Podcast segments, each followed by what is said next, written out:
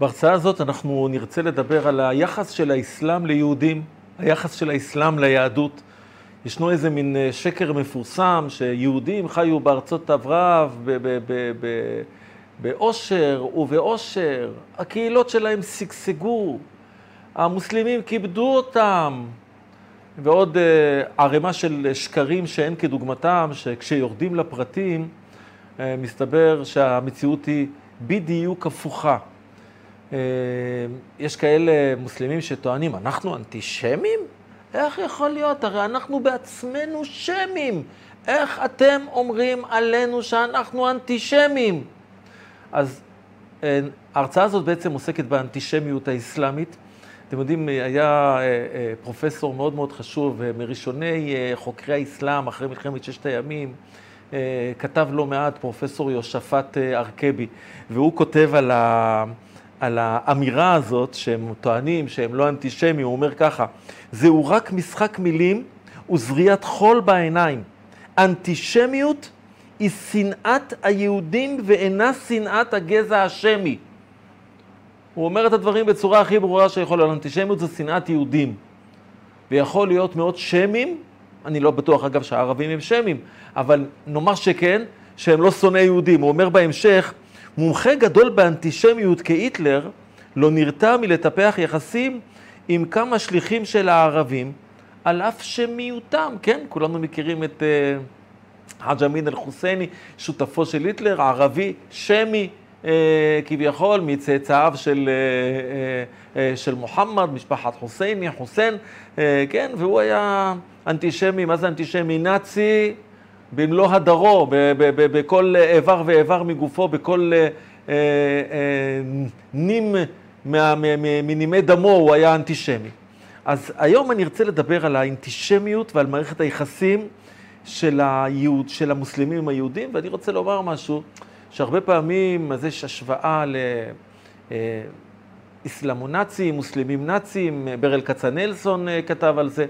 אה, באיזשהו מקום, אחרי שאנחנו אה, נראה היום, אז נצטרך לעשות סדר בדברים. לנאצים יש מקור.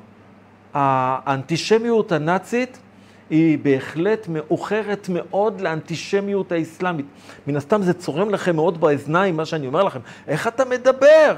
טוב, אז לא אני אדבר, אלא המקורות עצמם ידברו. ניתן לחכמי האסלאם עצמם לדבר, ניתן למעשים שלהם לדבר, ואז באמת נשפוט מול מי אנחנו עומדים כשאנחנו מדברים על, אה, כשאנחנו מדברים על האסלאם ואנחנו מדברים על האנטישמיות. קודם כל אנטישמיות, המוסלמים לא באמת המציאו את האנטישמיות.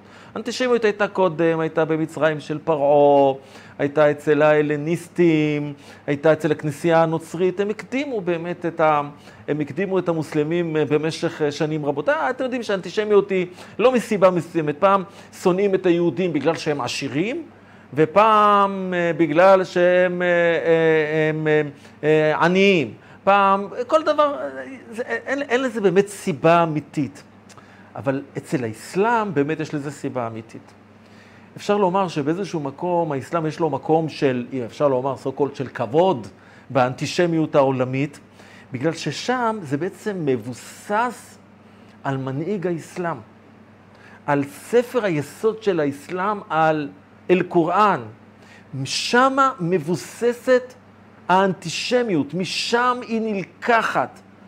משם בעצם יוצאים השורשים שלה וענפי הרצח, הביזה, האונס, ההשמדה, יוצאים מהשורשים האלה של מוחמד ושל הקוראן. אה, צריך להבין מה שדיברנו בהרצאות הקודמות, העם היהודי עובר מבחינתו של, של מוחמד מאייל אל-כיתאב לאייל אל-דימה, מעם הספר שהוא מעריך, מוקיר, לעם בני החסות שהוא שונא, שהוא אה, מתעב, ומכאן והלאה הם הופכים להיות אה, אה, אה, אה, אובייקט להשפלה, לרדיפה, לביזה, לאונס. אה, אה, ללא הבחנה, כי זה מה שמוחמד עשה לשבטים היהודים. אתם זוכרים, דיברנו ליהודי אה, אל-מדינה, ולאחר מכן בחייבר. וגם דברים שאמרנו קודם, כל מה שעושה מוחמד זה לא דבר שניתן לחלוק עליו. זה כזה ראה וקדש. יש באחת מהסורות אה, בקוראן, אה, סורה שנקראת אה, פרשת עבדי האלילים, נאמר שם ככה, אין על הנביא כל טוענה בדבר אשר ציווה לו אללה. זאת אומרת, מה שהוא עשה, אתה לא יכול למצוא עליו שום טוענה.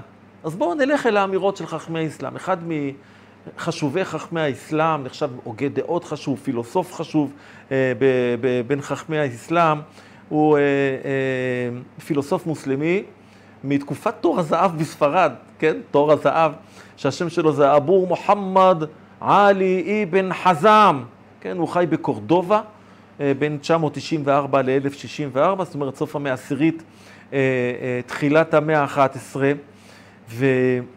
והוא מדבר על היהודים כל מיני ביטויים. אני אקריא לכם דברים, הוא אומר, היהודים בראש מעייניהם רק תרמית, רוע לבב וגניבה, עם התנשאות והכנעה, וכן הם מגלים עוינות כלפי אללה ושליחו. עכשיו, זה היה הדברים העדינים. ועכשיו נלך למה שחשבנו שיוזף גבלס המציא אותם, מסתבר שיוזף גבלס למד אצלו, אצל האבן חזם. שימו לב, הוא מזהיר את המוסלמים להתרחק מן היהודים. למה להתרחק מהיהודים? ויתרחק מהאנשים, הכוונה היהודים הטמאים, המסריחים והמזוהמים. אני חוזר, ויתרחק מהאנשים הטמאים, המסריחים והמזוהמים. האלה אשר הביא עליהם אללה יתעלה כעס, קללה, השפלה, פחיתות, ביזיון, שנאה, שפלות וזוהמה, כאשר מעולם לא הביא על אומה מן האומות. רבותיי, זה לפני הצהרת בלפור כמעט באלף שנים. לפני הכיבוש ב-1967.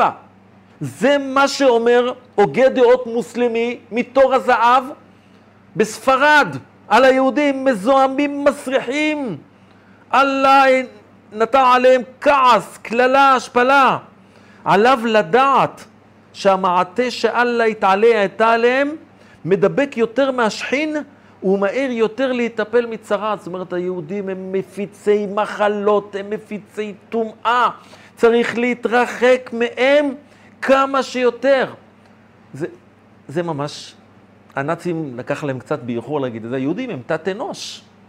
הם הרבה מעבר לתת אנוש, הם מזיקים לאנושות, הם סכנה לאנושות. עכשיו, מאיפה הוא לוקח את זה? הוא לוקח את זה מהקוראן. שבקוראן היהודים הם בוגדנים, הם רמאים, הם רוצחי הנביאים, ואללה קילל אותם להיות קופים וחזירים. אתם מכירים את הקופים והחזירים? עוד נדבר על זה בהמשך, על העניין הזה של הקופים והחזירים. ואללה מייחס להם טומאה. הסטריאוטיפים האלה שהוא, אה, אה, שמביא אבן חזם, ובעצם הם כחוט השני אצל חכמי האסלאם, הם אה, באו כדי למנוע אפשרות שמישהו יכרות איתם ברית עם היהודים. אסור לכרות איתם בריתות, אסור לעשות איתם אה, חוזים. אפילו זה בא לידי כך שאסור למוסלמי לשהות לבד עם יהודי. כי יהודי הוא רוצח, אז הוא בטח ירצח אותו.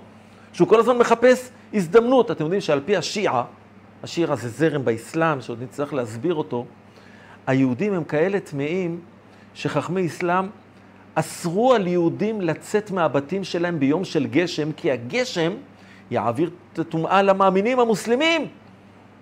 אז כשאנחנו מדברים על אנטישמיות, על סטריאוטיפים אנטישמיים של זוהמה, של הפצת מחלות, של אה, רמאות, של תת-אנוש, זה עמוק עמוק עמוק באסלאם.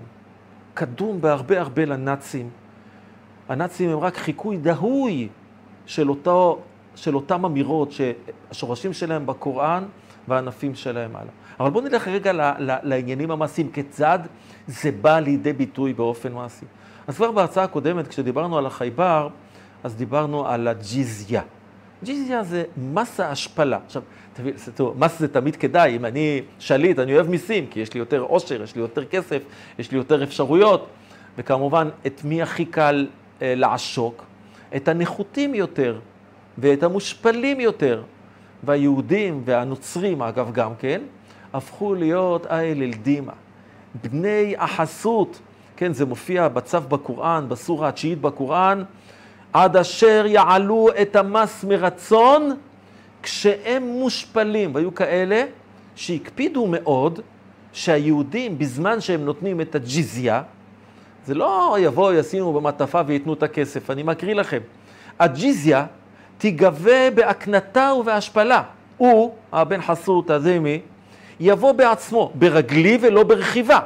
שעה שהוא משלם, משלם את המס, את הג'יזיה, את מס ההשפלה של היהודי, הוא יעמוד, ואילו גובה המס ישב ויוחז בעורפו, יושב הגובה, יוחז בעורפו, ינענע אותו ויאמר, שלם את הג'יזיה, ובשעה שהוא משלם, יכה אותו על מפרקתו. כן? ככה לא רק לשלם, אלא גם כן להיות מושפלים. אז זה הפרקטיקה של אותה אנטישמיות. אנטישמיות, תזכרו, תמיד תמיד תבוא קודם שלב של הסתה, של השפלה, ולאחר מכן, שאתה תת אנוש, אפשר לעשות לך את מה שאנחנו רוצים. ככה זה היה במצרים. הנה עם ישראל רב ועצום ממנו, אבל נתחכמה לו, כן, פן תבוא מלחמה ונקרא גמו על שונאינו. איום מאוד מאוד גדול, ואז אפשר לבוא ולפגוע בהם, בהתחלה בהטלת מיסים, ולאחר מכן לרצוח אותם בסתר, ולאחר מכן רצח בגלוי. זאת התבנית של האנטישמיות.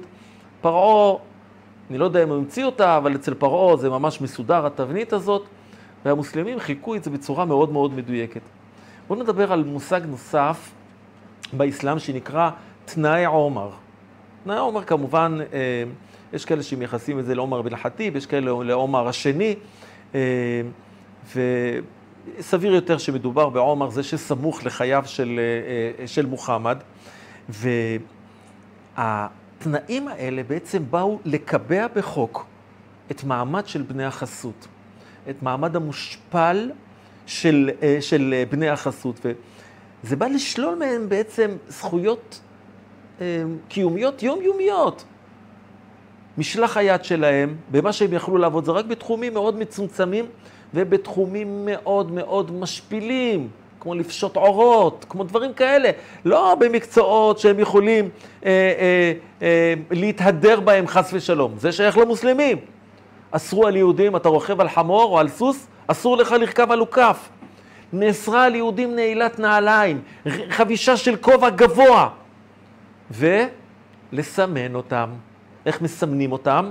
אז כמובן, ביקשו מהם לגזוז את קדמת הראש, לכרוך את חגורת הזונר. והיה מקומות גם כן שהכריחו את היהודים ללבוש בגד מיוחד. אגב, הם חילקו לא רק את היהודים, הם הפכו לבני חסות, גם את השומרונים, גם את הנוצרים. אז השומרונים, לדוגמה, התלבש, נצטוו ללבוש בגדים אדומים, הנוצרים כחול. נו, ותנחשו איזה צבע בגדים ליהודים ניתן? נכון, כמו שחשבתם. הנאצים לא המציאו כלום. הנאצים לא המציאו כלום. היהודים צוו ללבוש צהוב, פרופסור גויטיין כותב את זה. מכאן התגלגל בימי הביניים אל אירופה רעיון הטלאי הצהוב, כן? וכל זה, כמו שאמרתי, הכל לקוח מן הקוראן. הכל לקוח מן הקוראן. יש בקוראן פרשת פרה, זה הסורה השנייה, ממש ממש בהתחלה. ויבשרו, ויבשרו, הכוונה בני הדימה, בשפל ועוני. וזה מכוון ליהודים עקב אשר כחשו באלוהים, ויהרגו את הנביאים בלי משפט. השפלת היהודים, אה, אה, אפלייתם, סימונם, מניעה מהם יכולת להתפרנס, כל זה לקוח מן הקוראן. אז אחר כך שיגידו לכם שאין אנטישמיות באסלאם, או שהיא באה בעקבות הצהרת בלפור, או הנכסה, או הנכבה, אז שיפסיקו לספר סיפורים. בואו נראה את הדברים כמות שהם, כמו שהם אומרים אותם. שוב, לא המצאתי שום דבר בספר שנוציא בעזרת השם.